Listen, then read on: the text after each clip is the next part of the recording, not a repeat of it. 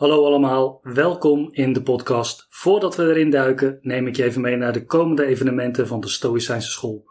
Op 1 en 2 juni verzorg ik weer de basiscursus Stoïcijnse levensfilosofie, op vele verzoek in de herhaling. De absolute basis in thema's en begrippen van deze manier van leven. Binnen twee dagen ben jij opgestart. De eerste Stoïcijnse week hebben we achter de rug en de tweede komt eraan in augustus. Heb je dus de afgelopen editie gemist? Je kunt nog een keer ruim aandacht voor de Stoïcijnse filosofie van Epictetus en een keur aan gastdocenten.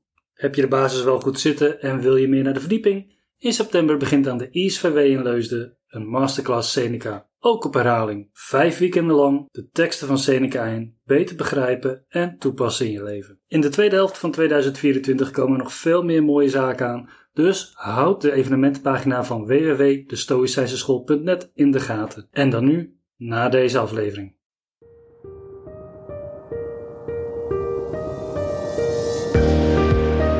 Welkom in de podcast van de Stoïcijnse School. De plek waar we de filosofie van de Stoa toepassen op je werk, je onderneming, organisatie, studie, gezin, sport, maatschappelijke kwesties en spiritualiteit. Mijn naam is Dennis de Gruiter, organisatiefilosoof, schrijver, practicus en jouw gastheer in de Stoïcijnse School.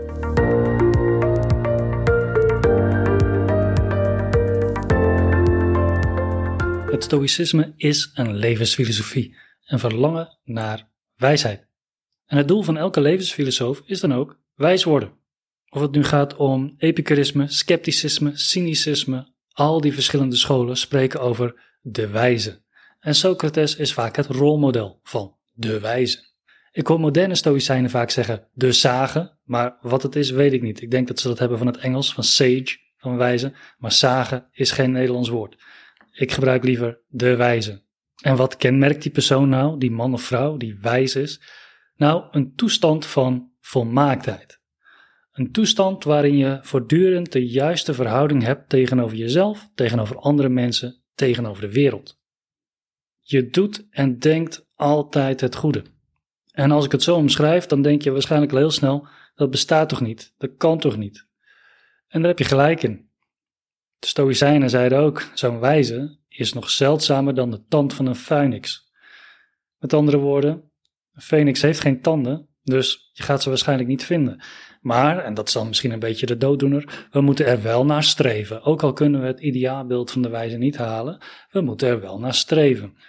Ik begrijp het wel als heel veel mensen verzuchten dat ze dit een beetje een uh, slappe hap vinden. Het lijkt een beetje op dat je de opdracht krijgt van: hé, hey, luister, bouw een flatgebouw. En jij vraagt, wat is een flatgebouw? En zegt, ja, dat weten we niet. Maar bouw er toch maar eentje. vanzelf, je komt er vanzelf wel. Als je eenmaal bezig bent, dan kom je er wel. Nou, is natuurlijk niet een al te beste vergelijking. Maar toch, je wordt gevraagd in de levensfilosofie om een eindstation te gaan nastreven. Waarvan direct wordt gezegd dat het er niet is en dat het er waarschijnlijk ook nooit zal komen. En wat is dan de payoff van je? Wat wil je dan gaan doen? Een van de reacties op deze situatie is te zeggen: we gaan er geen levensfilosofie meer van maken. Dat is allemaal te ingewikkeld en te vaag. We gaan er een toolbox van maken met verschillende technieken. Nou, dat kan. Het is heel praktisch. Het heeft ook een directe, concrete payoff. Maar tegelijkertijd merken heel veel mensen dat ze er ook redelijk snel op zijn uitgekeken.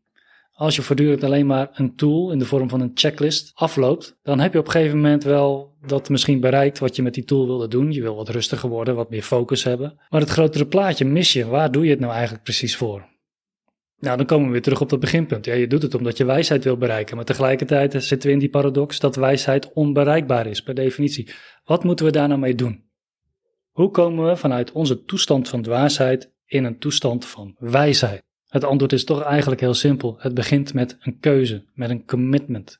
Dat je, ook als je nog niet weet waar je precies gaat eindigen, toch besluit om die reis te gaan ondernemen. Je kunt het een beetje vergelijken met anekdotes uit de Aziatische filosofie, waarin bijvoorbeeld een wijze is die meestal teruggetrokken in een bos of in de bergen woont.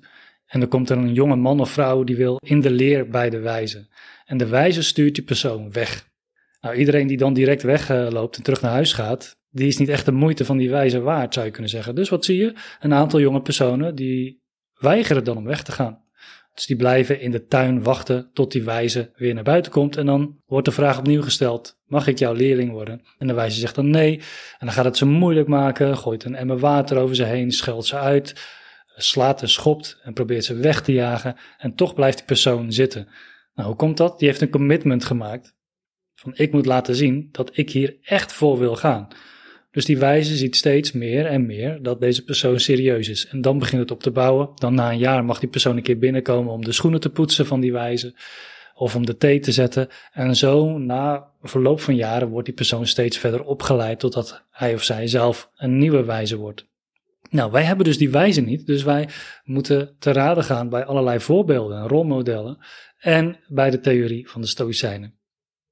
We hebben de checklists in tijdschriften, in dagbladen, in dunne boekjes, op websites, maar hebben we ook het perspectief. Het perspectief is datgene wat ons motiveert of helpt verder te komen in onze ontwikkeling naar wijsheid. We moeten een grond zien te vinden tussen enerzijds de checklists, die heel praktisch zijn, een concrete payoff hebben, en anderzijds het ideaal van de wijze, dat heel abstract en vaag en algemeen is, en misschien wel onbereikbaar lijkt en dus volledig uitgezoomd is.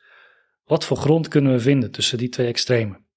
Nou, die grond wil ik voorstellen is het werken met adiaphora en de proegmena. Nou, de adiaphora hebben we al in een eerdere podcastaflevering bekeken. Dat zijn de zaken die niet binnen onze macht vallen, die niet aan ons zijn. De Stoïcijnen noemen die adiaphora moreel neutrale zaken. Mensen worden niet goed of slecht van die zaken.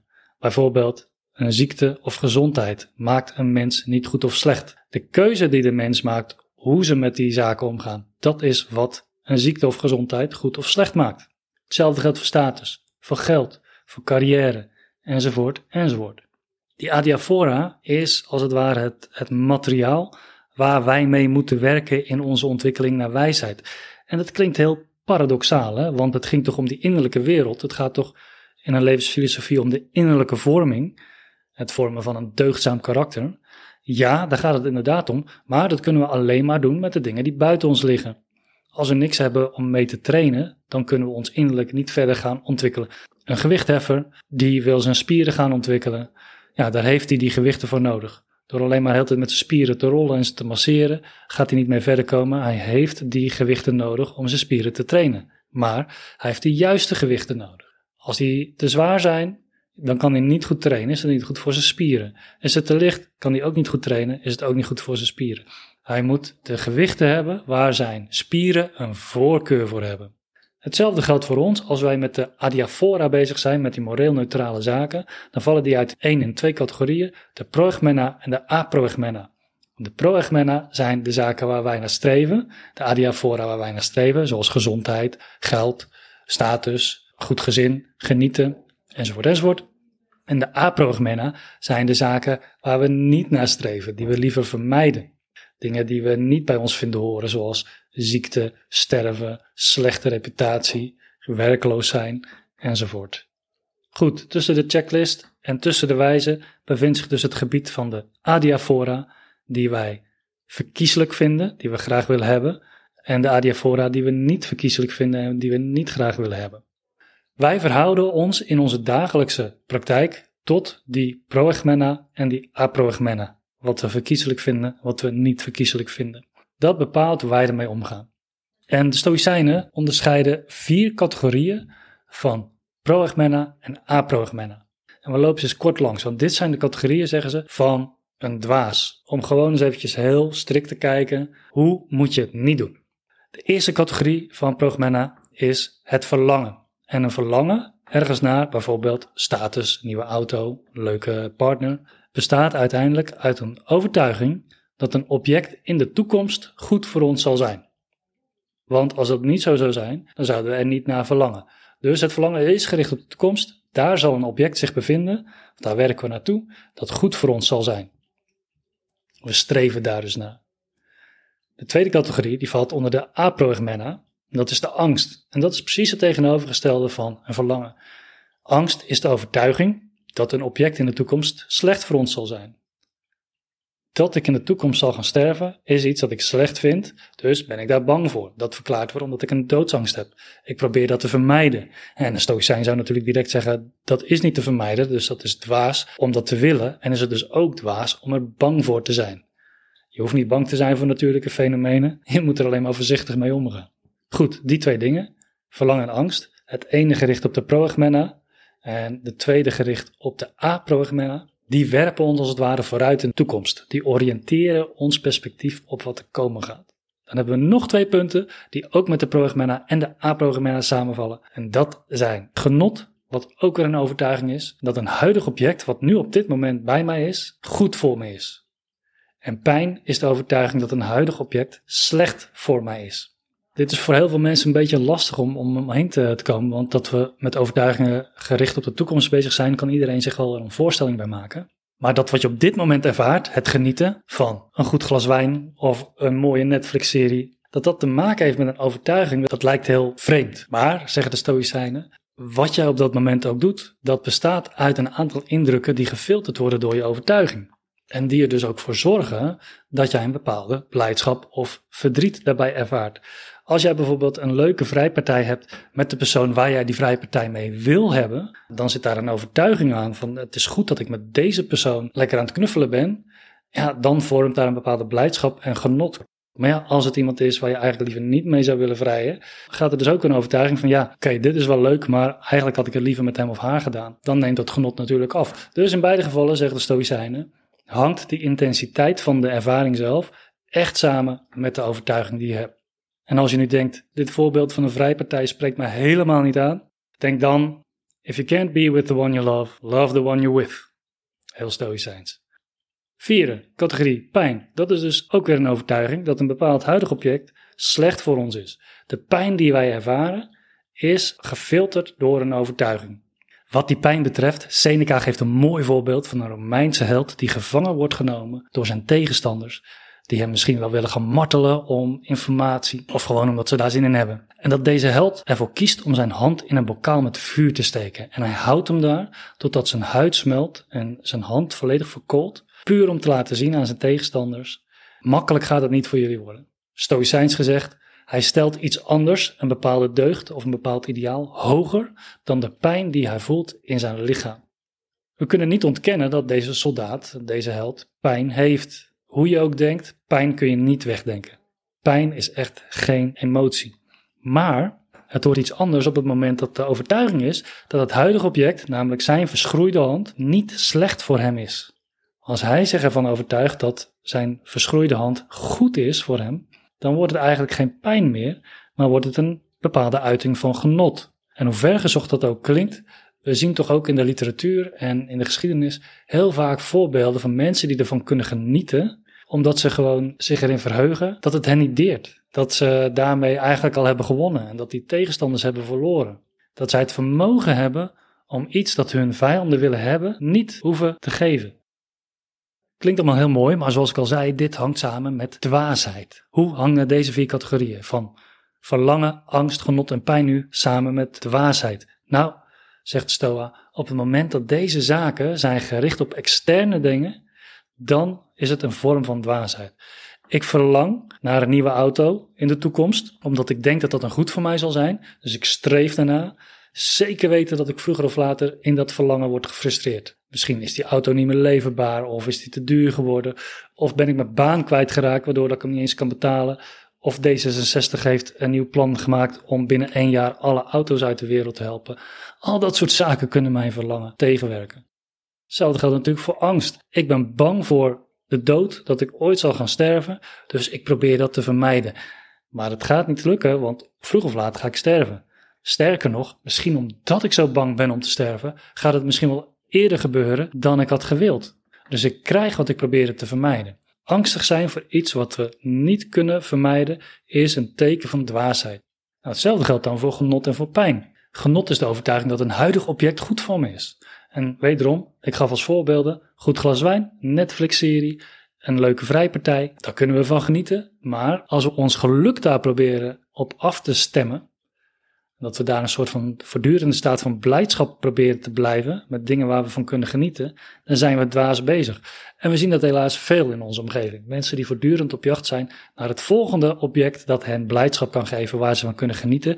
En terwijl ze dat aan het doen zijn, komen ze in die hedonistische relativeringscyclus terecht. Dat hoe meer je dingen krijgt waar je van kan genieten, hoe minder dat je ervan geniet.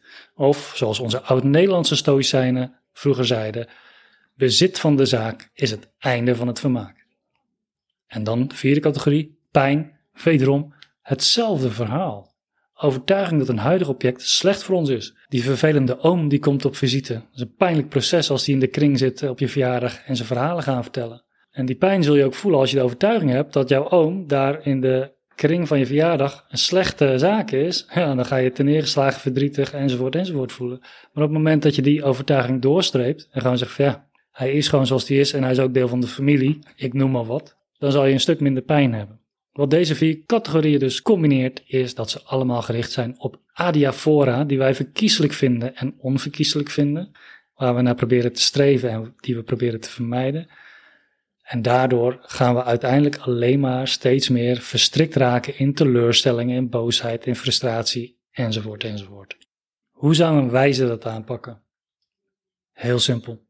Je streven en vermijden niet meer afstemmen op de dingen waar je geen controle over hebt, over de adiaforen die buiten jou liggen, maar afstemmen op je arete, op je virtu, op je deugd en je voortreffelijkheid, op je innerlijke wereld.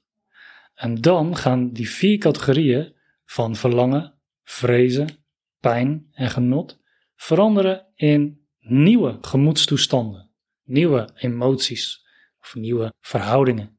En dat zijn de volgende. Als ik mijn streven niet meer afstem op iets wat buiten mij ligt, maar iets op, iets wat binnen mij ligt, dan verandert verlangen in willen. Soms wordt het ook al vertaald met wensen. Maar willen is dat je niet verlangt naar objecten, maar dat je verlangt naar een toekomstige deugd of naar het worden van een deugdzaam persoon. Daar ben je met je streven op gefocust.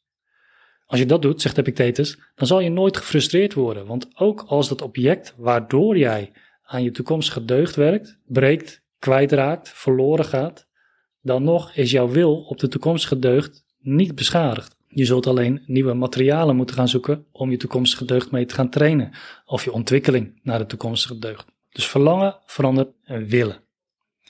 Vrezen of angst, dat verandert in voorzichtigheid. Ook weer gericht op een innerlijk goed.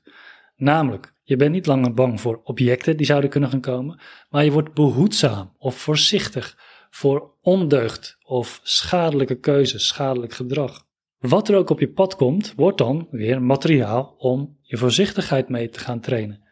Het enige waar jij tussen aanhalingstekens bang voor bent, is dat jij in de toekomst het verkeerde zult doen.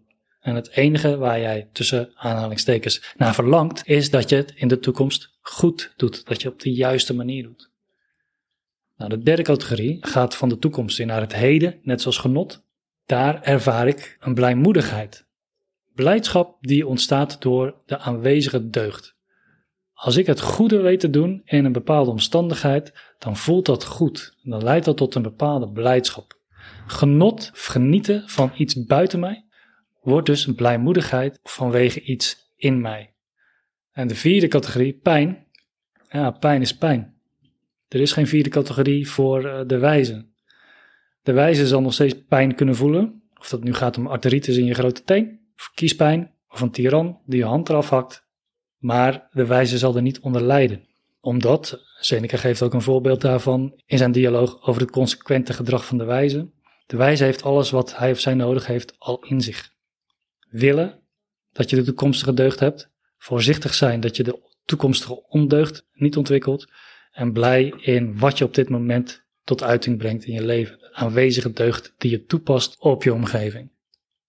Dit is voor mij een beetje tussenveld tussen die checklists en het grote ideaal van de wijze. Deze drie dingen, willen, voorzichtigheid en blijmoedigheid, zijn als het ware, ik zeg het graag, geen eindpunten, maar eikpunten waarmee je voortdurend kan gericht zijn. Ook als je checklistjes gebruikt, dat op zich helemaal niet erg is of zo. Ben ik wel gefocust op het grotere plaatje? Is de checklist of het stappenplannetje wat ik eh, bij Mark Tuitert of bij Ryan Holiday heb gelezen.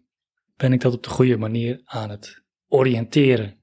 En dat geeft weer input voor reflectie, voor nadenken, voor beter worden, voor trainen. Nou, misschien vind je het nog steeds een beetje vaag, maar dit is wel weer zo'n gevalletje van je gaat het doorhebben als je het ziet of je gaat het zien als je het doorhebt. Door je te ontwikkelen ontvouw je nieuwe inzichten, nieuwe mogelijkheden om te zijn. En maak je weer een paar stappen verder en komen er weer nieuwe eikpunten naar voren. En dat is wat die levensfilosofie ook zo interessant maakt. Dat het geen dode theorie is die maar in een boek wordt opgeschreven. Maar dat je echt je eigen boek aan het schrijven bent in je eigen leven. Met heel veel andere mensen daaromheen. Dat is ongelooflijk ingewikkeld, moeilijk, vaak frustrerend. Maar je hebt ook die momenten van blijmoedigheid op het moment dat het wel lukt. En dat je het in jezelf voelt. Ik ben een goede stap aan het maken. Ik ben aanwezige deugd aan het manifesteren en ik voel daar een bepaalde blijmoedigheid in. En het geeft me weer nieuwe perspectief over waar ik nu naartoe kan gaan. Dus neem deze mee. Verlang je? Ben je angstig? Geniet je of heb je pijn? Check dan heel goed. Waar gaat het over? Welke overtuigingen spelen hier een rol bij? Klopt het wel? En kan ik het gaan verleggen naar willen dat ik een toekomstige deugd ontwikkel? Voorzichtig zijn voor toekomstige ondeugden en blijmoedig zijn in de aanwezige deugden die je al hebt. Goed, dat was hem voor vandaag. Een kleine oriëntatie richting de wijze. Niet meer zagen zeggen. Dat is een Engels woord, dat bestaat niet in het Nederlands. Of je moet het over een volkszagen hebben. Blijf oefenen, blijf trainen. Heb je iets van waarde gevonden in deze podcast? Word dan lid van onze groeiende Patreon community van de Stoïcijnse School, zodat ook deze authentieke Stoïcijnse levensfilosofie goed zijn plek blijft houden binnen de moderne Stoïcijnse dialoog. We hebben toffe mensen in onze community en je mag ook input aanleveren voor de inhoud van de podcast. Afleveringen die je graag wil uitgebouwd horen, of thema's of teksten die je besproken wil zien, of andere zaken waar je aandacht voor wil vragen. Voor nu houden we hem hierbij. Blijf stoïcijns, blijf doorgaan en tot onderweg.